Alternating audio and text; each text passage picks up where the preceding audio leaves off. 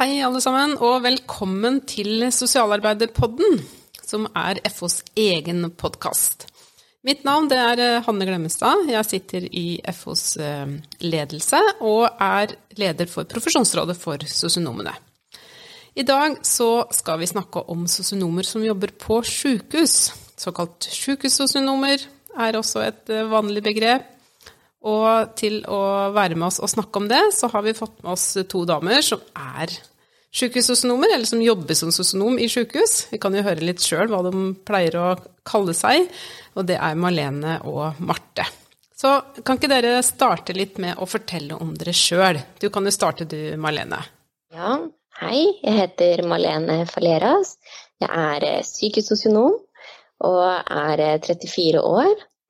Jeg ble ferdig med sosionomutdannelsen på Høgskolen i Oslo i 2009, og har jobbet uh, nesten hele min yrkeskarriere i sykehuset siden.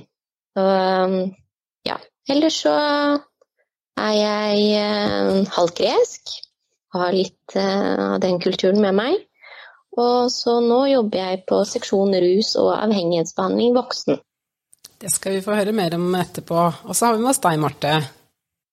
Ja, jeg heter, eller hei, jeg heter uh, Marte Fjellsrud. Er uh, blitt uh, 44 år. er ja, utdanna sosionom, selvfølgelig. jobber nå på Rikshospitalet for enhet for sosionomer. og har vært i OUS-systemet siden 2010. Jeg ble ferdig utdanna i 2006. Og eh, vi bruker jo eh, både sykesosionom, sosionomer, noen ganger blir vi jo kalt sosiologer. Eh, sånn at kjært barn har mange navn. Ja, jeg er veldig glad i RuPaul, Drag Race. Det liker jeg å se på på fritida. Ellers så har jeg eid 21 kaniner. Og fikk et eh, vikariat på Nav, NAV da, tidligere. Jeg jobba der tidligere fordi jeg var innmari god på touch. Ja, det kan være en uh, god, uh, en god kvalifikasjon, det å kunne skrive raskt på skrivemaskin. Det er jo ganske mye som skal skrives i løpet av en, en dag. Så det. Men Marlene, begynner litt med deg. Du jobber altså på enhet for rus og avhengighetsbehandling, voksen. Mm. Sånn jeg forstår det. Kan ikke du si litt om hva er din rolle eh, der, eller hva slags type avdeling er det egentlig, og hva gjør du? Jeg jobber da på rus- og avhengighetsbehandling voksen, en døgninstitusjon for rusavhengige over 26 år. Så her behandler vi både menn og kvinner som ønsker å endre livet sitt. Ehm, det jeg gjør som sosionom i hvert tverrfaglig team, for her jobber vi tverrfaglig, det er at jeg forsøker å hjelpe dem med å endre ulike eh, Eller jobbe med de sosialfaglige områdene i livet. Så det er eh, Vi starter med en kartleggingssamtale, og så går vi over til å finne hva er viktig for deg nå. Er det å jobbe med bolig, er det å jobbe med økonomi, er det å jobbe med nettverk, samvær med barn kanskje, aktivitet, arbeid, hvordan skal jeg klare å forbli rusfri når jeg er ferdig her? Så den tilbakeføringen tilbake til samfunnet og det bindeleddet, det er det jeg jobber med mine pasienter.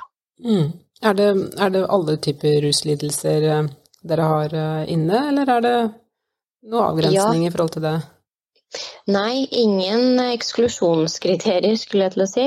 Eh, man kan også ha spilleavhengighet eller eh, avhengighet til anabole androgene steroider. Eh, eller ja, til alkohol eller illegale rusmidler. Mm. Og da ligger man faktisk inne på, på avdeling? Ja, da ligger man her i opptil seks måneder. Mm. Hvilke andre faggrupper er det som jobber sammen med deg, da?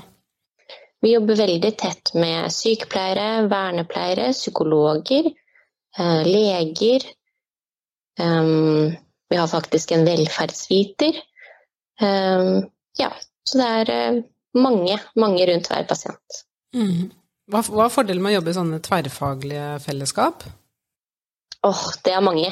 Det, men eh, det, det, er jo det at vi, altså, vi lærer av hverandre, og vi kan Det er så komplekst det vi jobber med. Så det å, at vi, vi utfyller hverandre, og vi sammen med ja, vårt perspektiv, det sosialfaglige perspektivet, pasientens perspektiv, legen altså At eh, ja, det blir en helhet, da. Og sosionomen er veldig glad i helhet.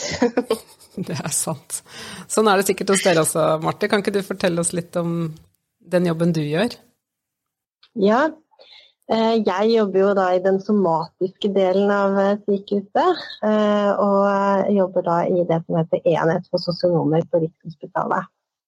Jeg har med hjerte- og lungepasienter, hvor man da kartlegger i forhold til transplantasjon f.eks. Bistår hvis de har spørsmål om rettigheter, om ja, altså litt av det samme som eh, Marlene var inne på, i forhold til hva er egentlig viktig for deg her og nå. Eh, hvordan er det å leve med den sykdommen du har? Hva trenger du å eh, på en måte få hjelp til, til at vi får på en måte satt i gang da, det lokale hjelpeapparatet.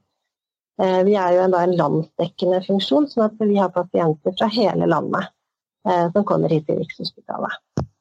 Eh, sånn at Da er det å samarbeide med det lokale hjelpeapparatet på, på det stedet hvor pasienten kommer ifra. Mm. Hvordan er det?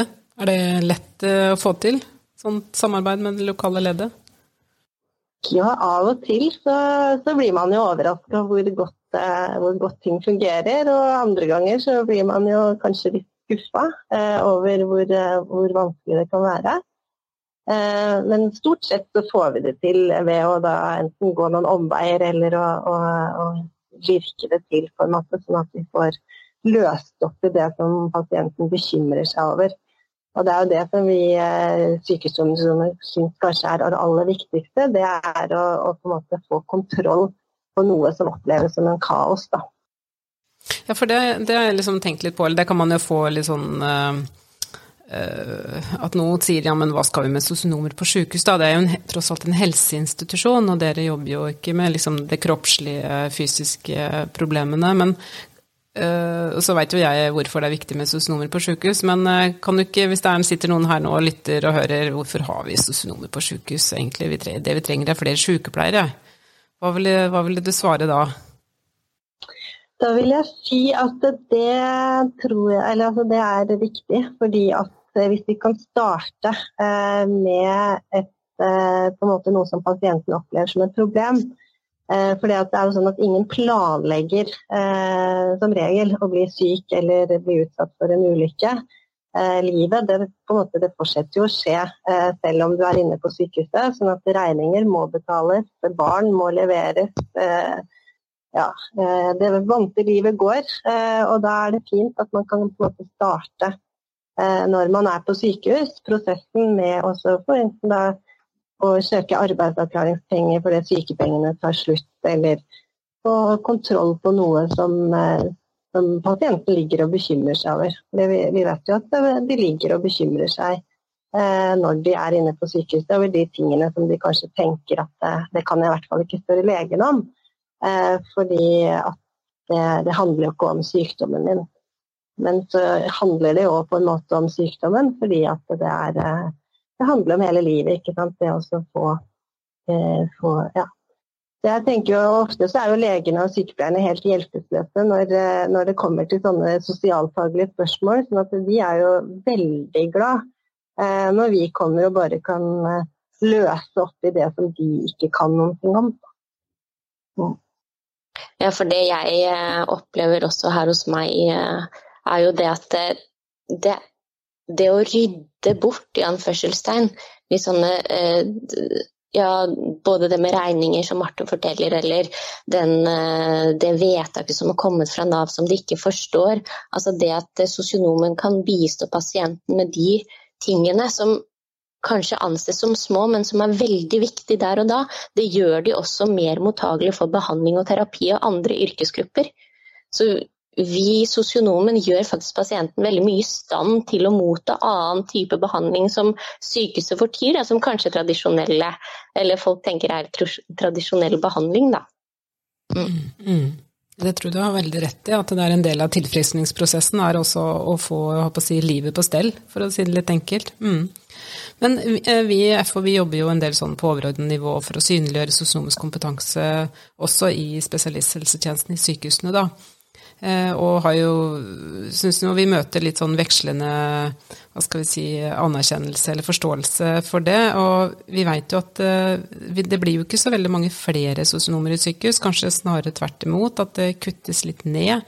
Hva er deres eh, inntrykk fra det? Er det, er det lett å, å si, få gjennomslag i organisasjonene for at, det, at man trenger sosionomer, eller er det på en måte Må man hele tida begrunne og forsvare seg? Ja, eh, jeg kan si noe om det. og Det er jo det er som du sier at det kuttes jo. Eh, og det er jo innsparingstiltak eh, på, over hele sykehuset for tiden. Så, sånn at, men det som jeg opplever, da, er at vi er veldig populære. Vi har egentlig altfor mye å gjøre.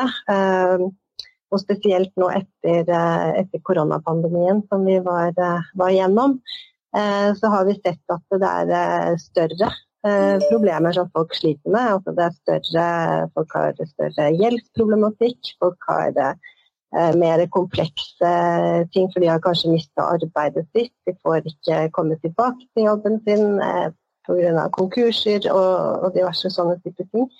Sånn at vi opplever at det er større pågang enn det noen gang har vært, og vi er mer populære. Eh, og Eh, det er også at vi blir også brukt mer av sykehuset.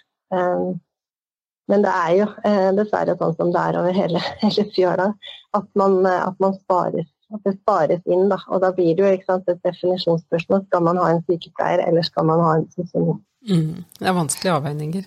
Åssen er det hos dere, Marlene? Er det lett å få gjennomslag for at det må være god dekning av sosionomer i rusbehandlinga?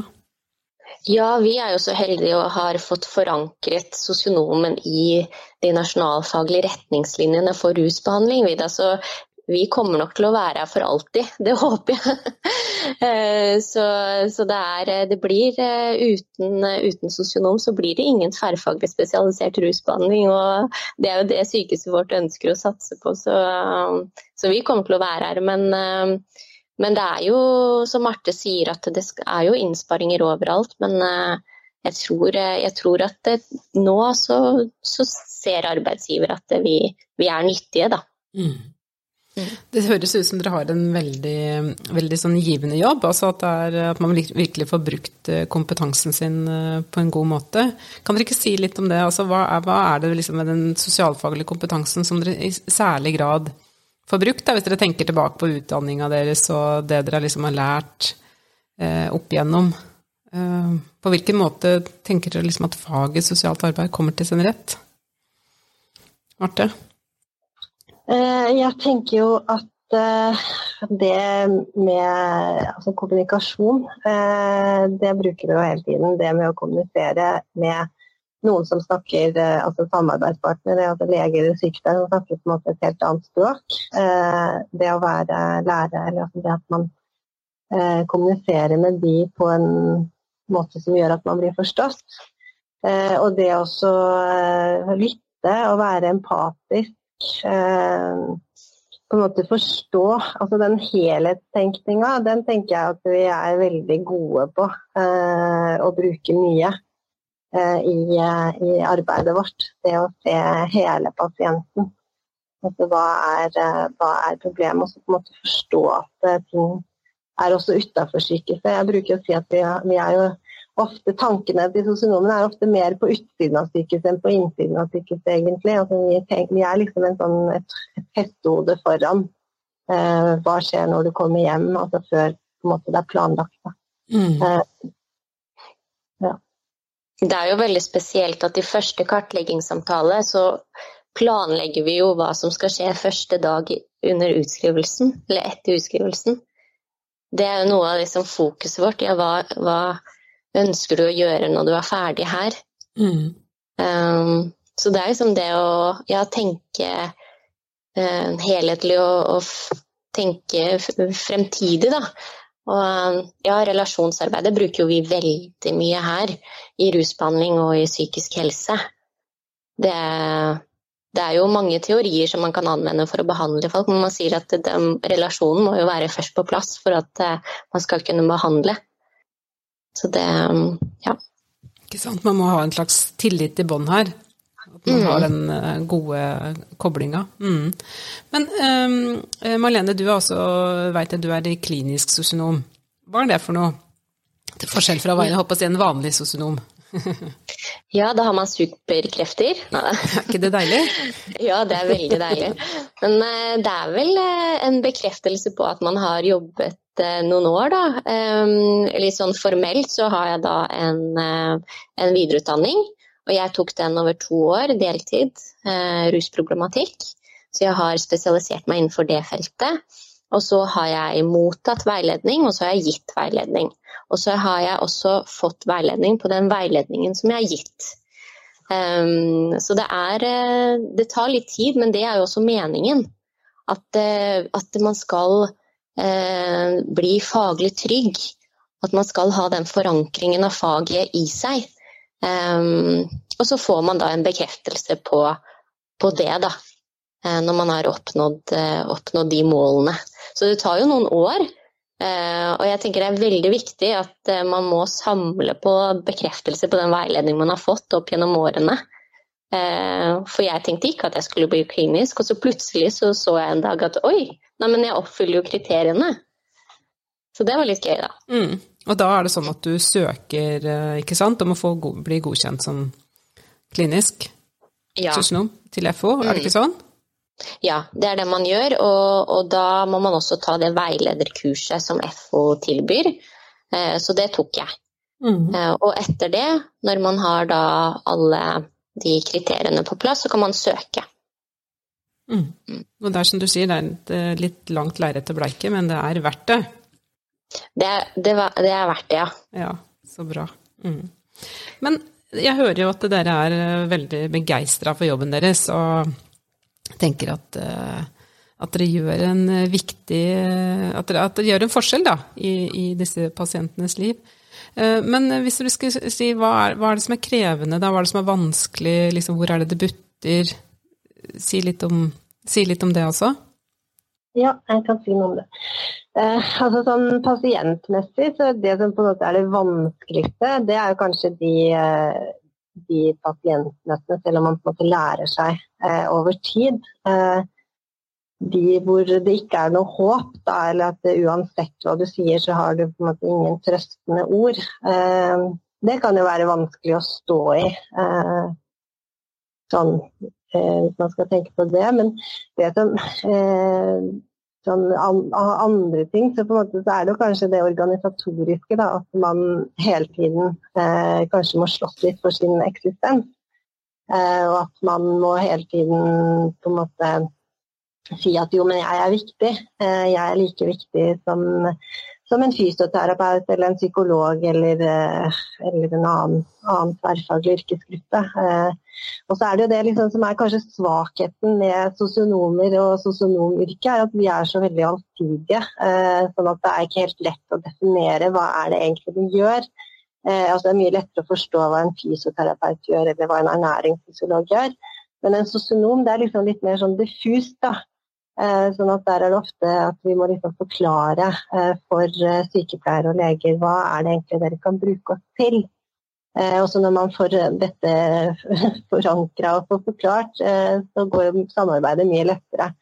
Men det er kanskje litt av, litt av det som på en måte er bra, da, at vi er så, vi er så runde, runde, i kantene. Men det er på en måte også vår store svakhet. At, vi, at det er liksom ikke en sånn tydelig tydelig hva vi kan gjøre. For vi kan så mye. Eh, vi kan jo veldig mye om veldig mye eh, som skjer i samfunnet som veldig mange andre ikke kan. Eh, og det får jeg sånn stadig sånn tilbakemeldinger på som jeg tenker kunnskap som jeg har opparbeida meg gjennom mange år på sykehuset, som jeg tenker tar for gitt at mine venner og bekjente kan. Så så for eksempel, Jeg hadde en som skulle reise til utlandet, og så sier de nei, jeg aner ikke hva han skal gjøre. og jeg så sier jeg, men hvorfor tenkte du ikke på ambassaden, liksom? Du må jo gå dit. Og det er sånn kunnskap som jeg har opparbeida meg, men som, eh, som, jeg tar for gitt. Da, at, eh, at, alle kan, men som ikke alle kan. Sånn at vi, ja, vi kan veldig mye om mye som kanskje er for styrke og, og svakhet samtidig. Ja. Jeg pleier ofte å si at uh, sosionomens spisskompetanse er den breddekompetanse. Uh, men ellers så tror jeg det er en utfordring til oss alle sammen at vi øver oss på å fortelle hva faget vårt er, og hva det innebærer, på en ganske sånn rett og konsis uh, måte, sånn at folk får en raskt kan oppfatte hva det er vi rett og slett kan, da. Så det er en utfordring til oss alle, tror jeg. Mm. Åssen er det hos deg, deg da, Marlene? Er det noe du opplever som spesielt krevende i jobben din? Enten det er liksom i brukermøtene, eller om det er på en mer sånn overordna nivå? Ja, vi jobber jo med mennesker over veldig lang tid, da, og det i seg selv er jo krevende eh, til tider. Det fordrer jo at eh, man eh, må være på plass i seg selv og ha sovet godt og eh, ikke bør ha noe trøbbel på privaten. vi bruker jo selv som verktøy hver dag. Um, og spesielt også når man jobber med pasienter f.eks. med personlighetsforstyrrelse. Og vi, vi, har jo en jobb her som vi setter grenser veldig mye vid. Og det er jo viktig for å skape en forutsigbar og trygg hverdag. Um, men da får man jo også reaksjoner tilbake. Og det å stå i de reaksjonene, det, det kan jo være krevende og utfordrende. Og da er det viktig med god kollegaveiledning og å kunne ta, være bevisst på hva er det som skjer nå. Hva er det som har skjedd i dag? Hvorfor, og hvorfor er jeg litt trøtt nå? Eller åh, nå var jeg litt sånn derre aktivert, har det skjedd noe? Så liksom det å bli kjent med seg selv, da.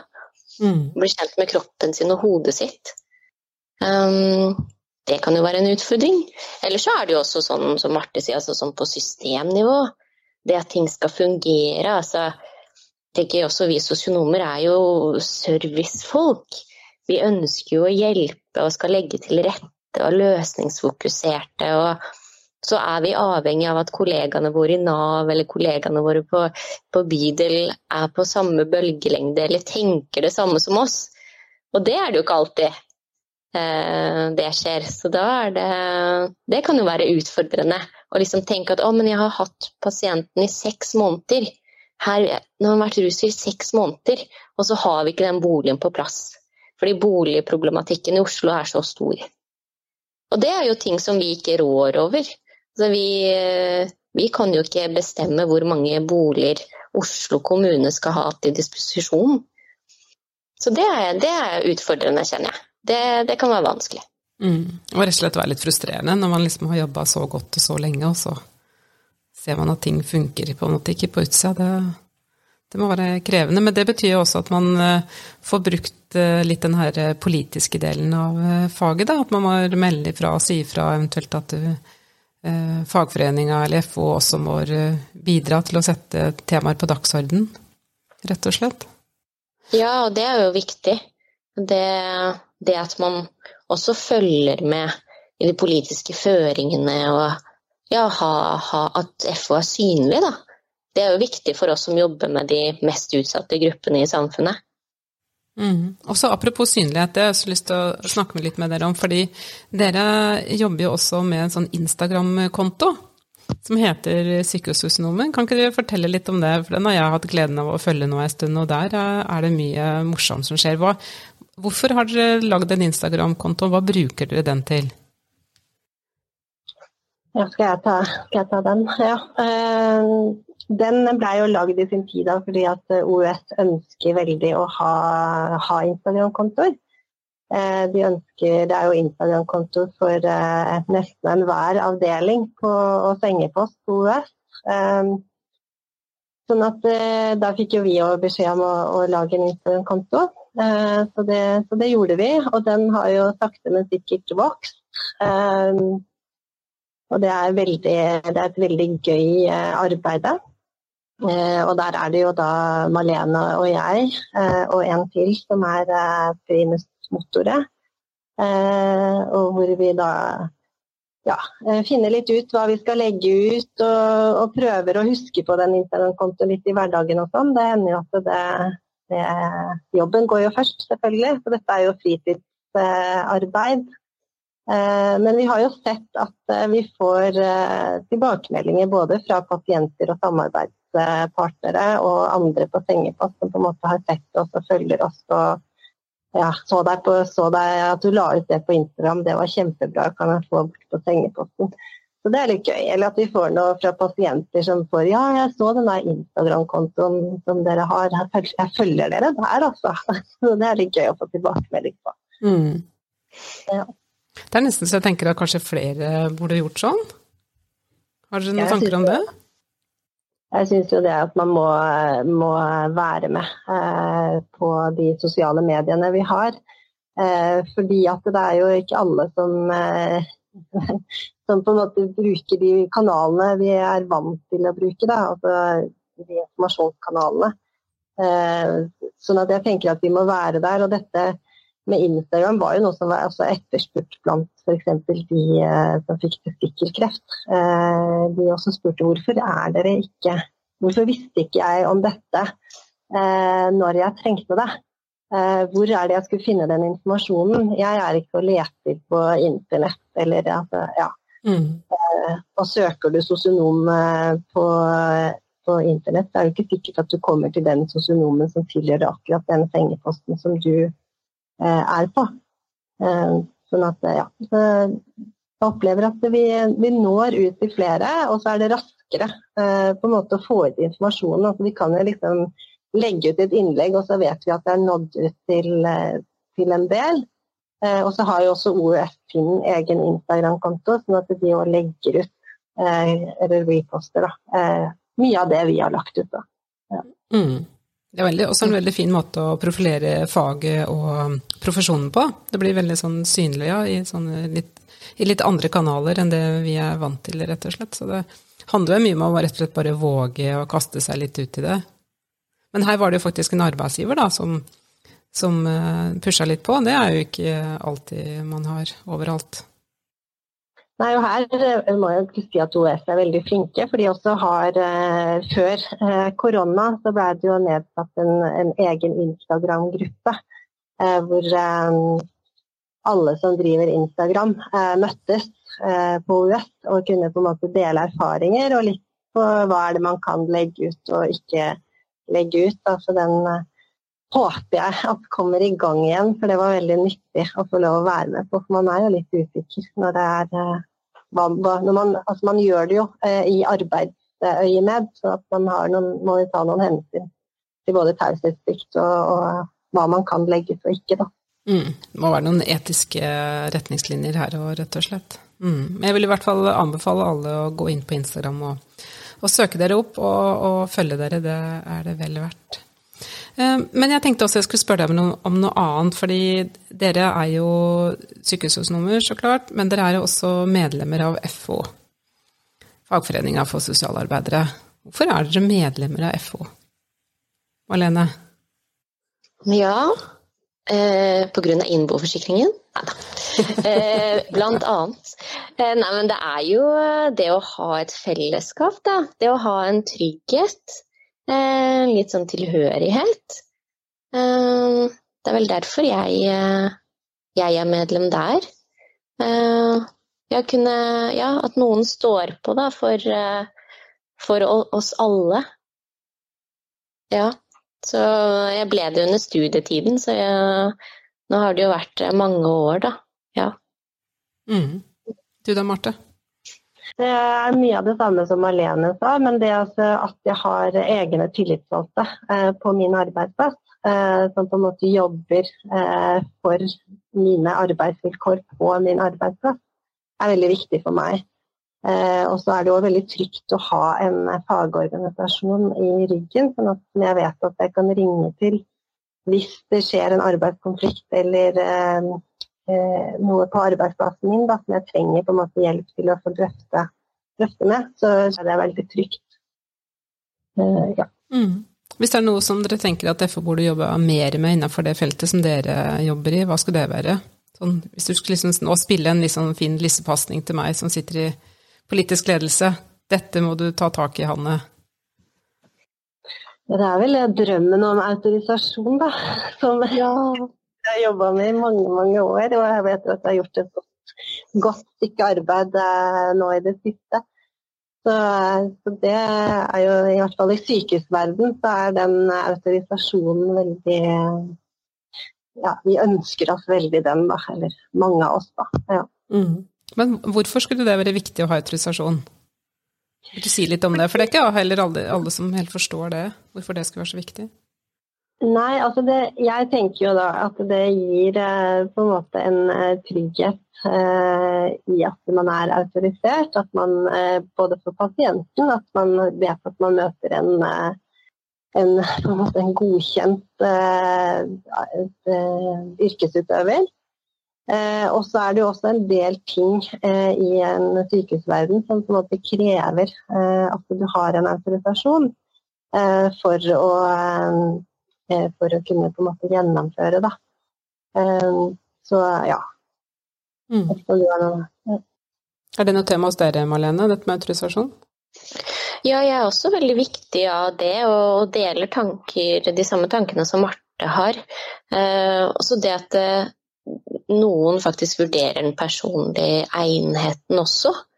tenker jeg, Og kvalitetssikrer yrkesutøvelsen. Spesielt eh, i sykehuset tror jeg er veldig viktig. Mm. Mm. Ja, dette har jo vært en um, 60 år eh, lang kamp, og det å få autorisasjon på plass for uh, sosionomer og barnevernspedagoger. Og nå ligger det på bordet et forslag om å utvide helsepersonelloven til det blir en lov om helse- og sosialfaglig personell, som FO jobber med å få gjennomslag for politisk. Så ja, vi gir oss ikke, i hvert fall. Det skal vi ha. Vi, vi, vi holder på, så får vi se om vi om vi kommer i mål etter hvert. Vi, vi, håper i hvert fall det. Da skal vi gå litt inn for landing, eh, tenkte jeg. Altså, men nå har vi jo snakka mye om både jobben deres og, og, hva dere gjør, og hva som er krevende, og det ene med det andre. Er det noe dere tenker liksom Dette vil jeg gjerne ha sagt før vi gir oss. Dette er litt viktig for meg å få formidla om, om det å være sykehussosionom, eller det med å være sosionom generelt kan jeg si at dette er verdens beste jobb. Så hvis det er noen som liksom tenker at de har lyst til å, å bli sykehusøkonom, så tenker jeg jo at går for det. det. Jeg hadde planlagt å bare være her i tre år, og jeg har vært her i 12, altså 13 år. Eh, så jeg syns at det, det, er et veldig godt sted å være. Jeg opplever mange faglig spennende diskusjoner I går var jeg på et tverrfaglig hvor jeg egentlig ikke hadde lyst til å gå, men jeg måtte, måtte dra. Jeg hadde noen barn som skulle hentes i barnehagen. Så, så, det var liksom Ja, det er veldig spennende. Det er veldig, veldig, morsomt å få lov å være med og være en viktig brikke uh, i en pasients liv for å kunne vise at man hjelper noen til et bedre Eller ja, at de kan leve så godt som mulig da, med den sykdommen eller den utfordringen de har. Mm. Du da, Marlene? Ja, vi møter jo så utrolig flotte mennesker. Og det å kunne ja, være med på den behandlingsreisen, da, eller de utfordringene og løsningene som det fører ofte til, da, det er jo utrolig spennende og givende. Så hvis det er noen der ute som tenker hm, kanskje sykehus kunne vært noe for meg, så ta en telefon, chat med oss på Instagram, eh, eller søk på en stilling. Så det er, eh, det er veldig spennende. Mm. Mm. Jeg tror jeg kan, at det tror jeg rett og slett at jeg vil skrive under på, selv om jeg aldri har jobba på sykehus sjøl, så tror jeg hvis jeg skulle gå tilbake til klinisk eh, praksis, jeg er vel snart ubrukelig, for det er så lenge siden jeg har jobba ute i felt, men hvis jeg skulle gjøre det, så tror jeg faktisk at det å på sykehus måtte være noe av det mest spennende man kunne gjøre. Veldig allsidig og veldig meningsfullt. Så tusen takk for den jobben dere gjør, og tusen takk for at dere liksom viser fram faget og profesjonen på en så flott måte. Det er veldig viktig, tenker jeg, for eh, sosionomstanden generelt, og for FO spesielt, å, ha gode folk ute i felt som viser fram jobben de gjør, og som betyr noe i livet da, til, eh, til de dere møter. Så takk for den eh, jobben, altså, vil jeg bare ha sagt. Så da skal vi avrunde her, og da sier jeg takk til deg, Marte, og deg, Marlene, for, for det dere har bidratt med i denne eh, samtalen. Denne Sosialarbeiderpodden er jo en del av en rekke podkaster som FO eh, spiller inn og lanserer med litt jevne mellomrom for å vise fram alt det fine og spennende arbeidet som våre medlemmer gjør der ute i feltet. Så min oppfordring til dere alle som lytter, er å laste ned eller følge med på podkasten der dere vanligvis hører på podkast, om det er på Spotify eller andre plattformer. Følg med, det kommer stadig nye episoder. Og så sier vi takk for i dag. Takk for i dag. Takk for i dag.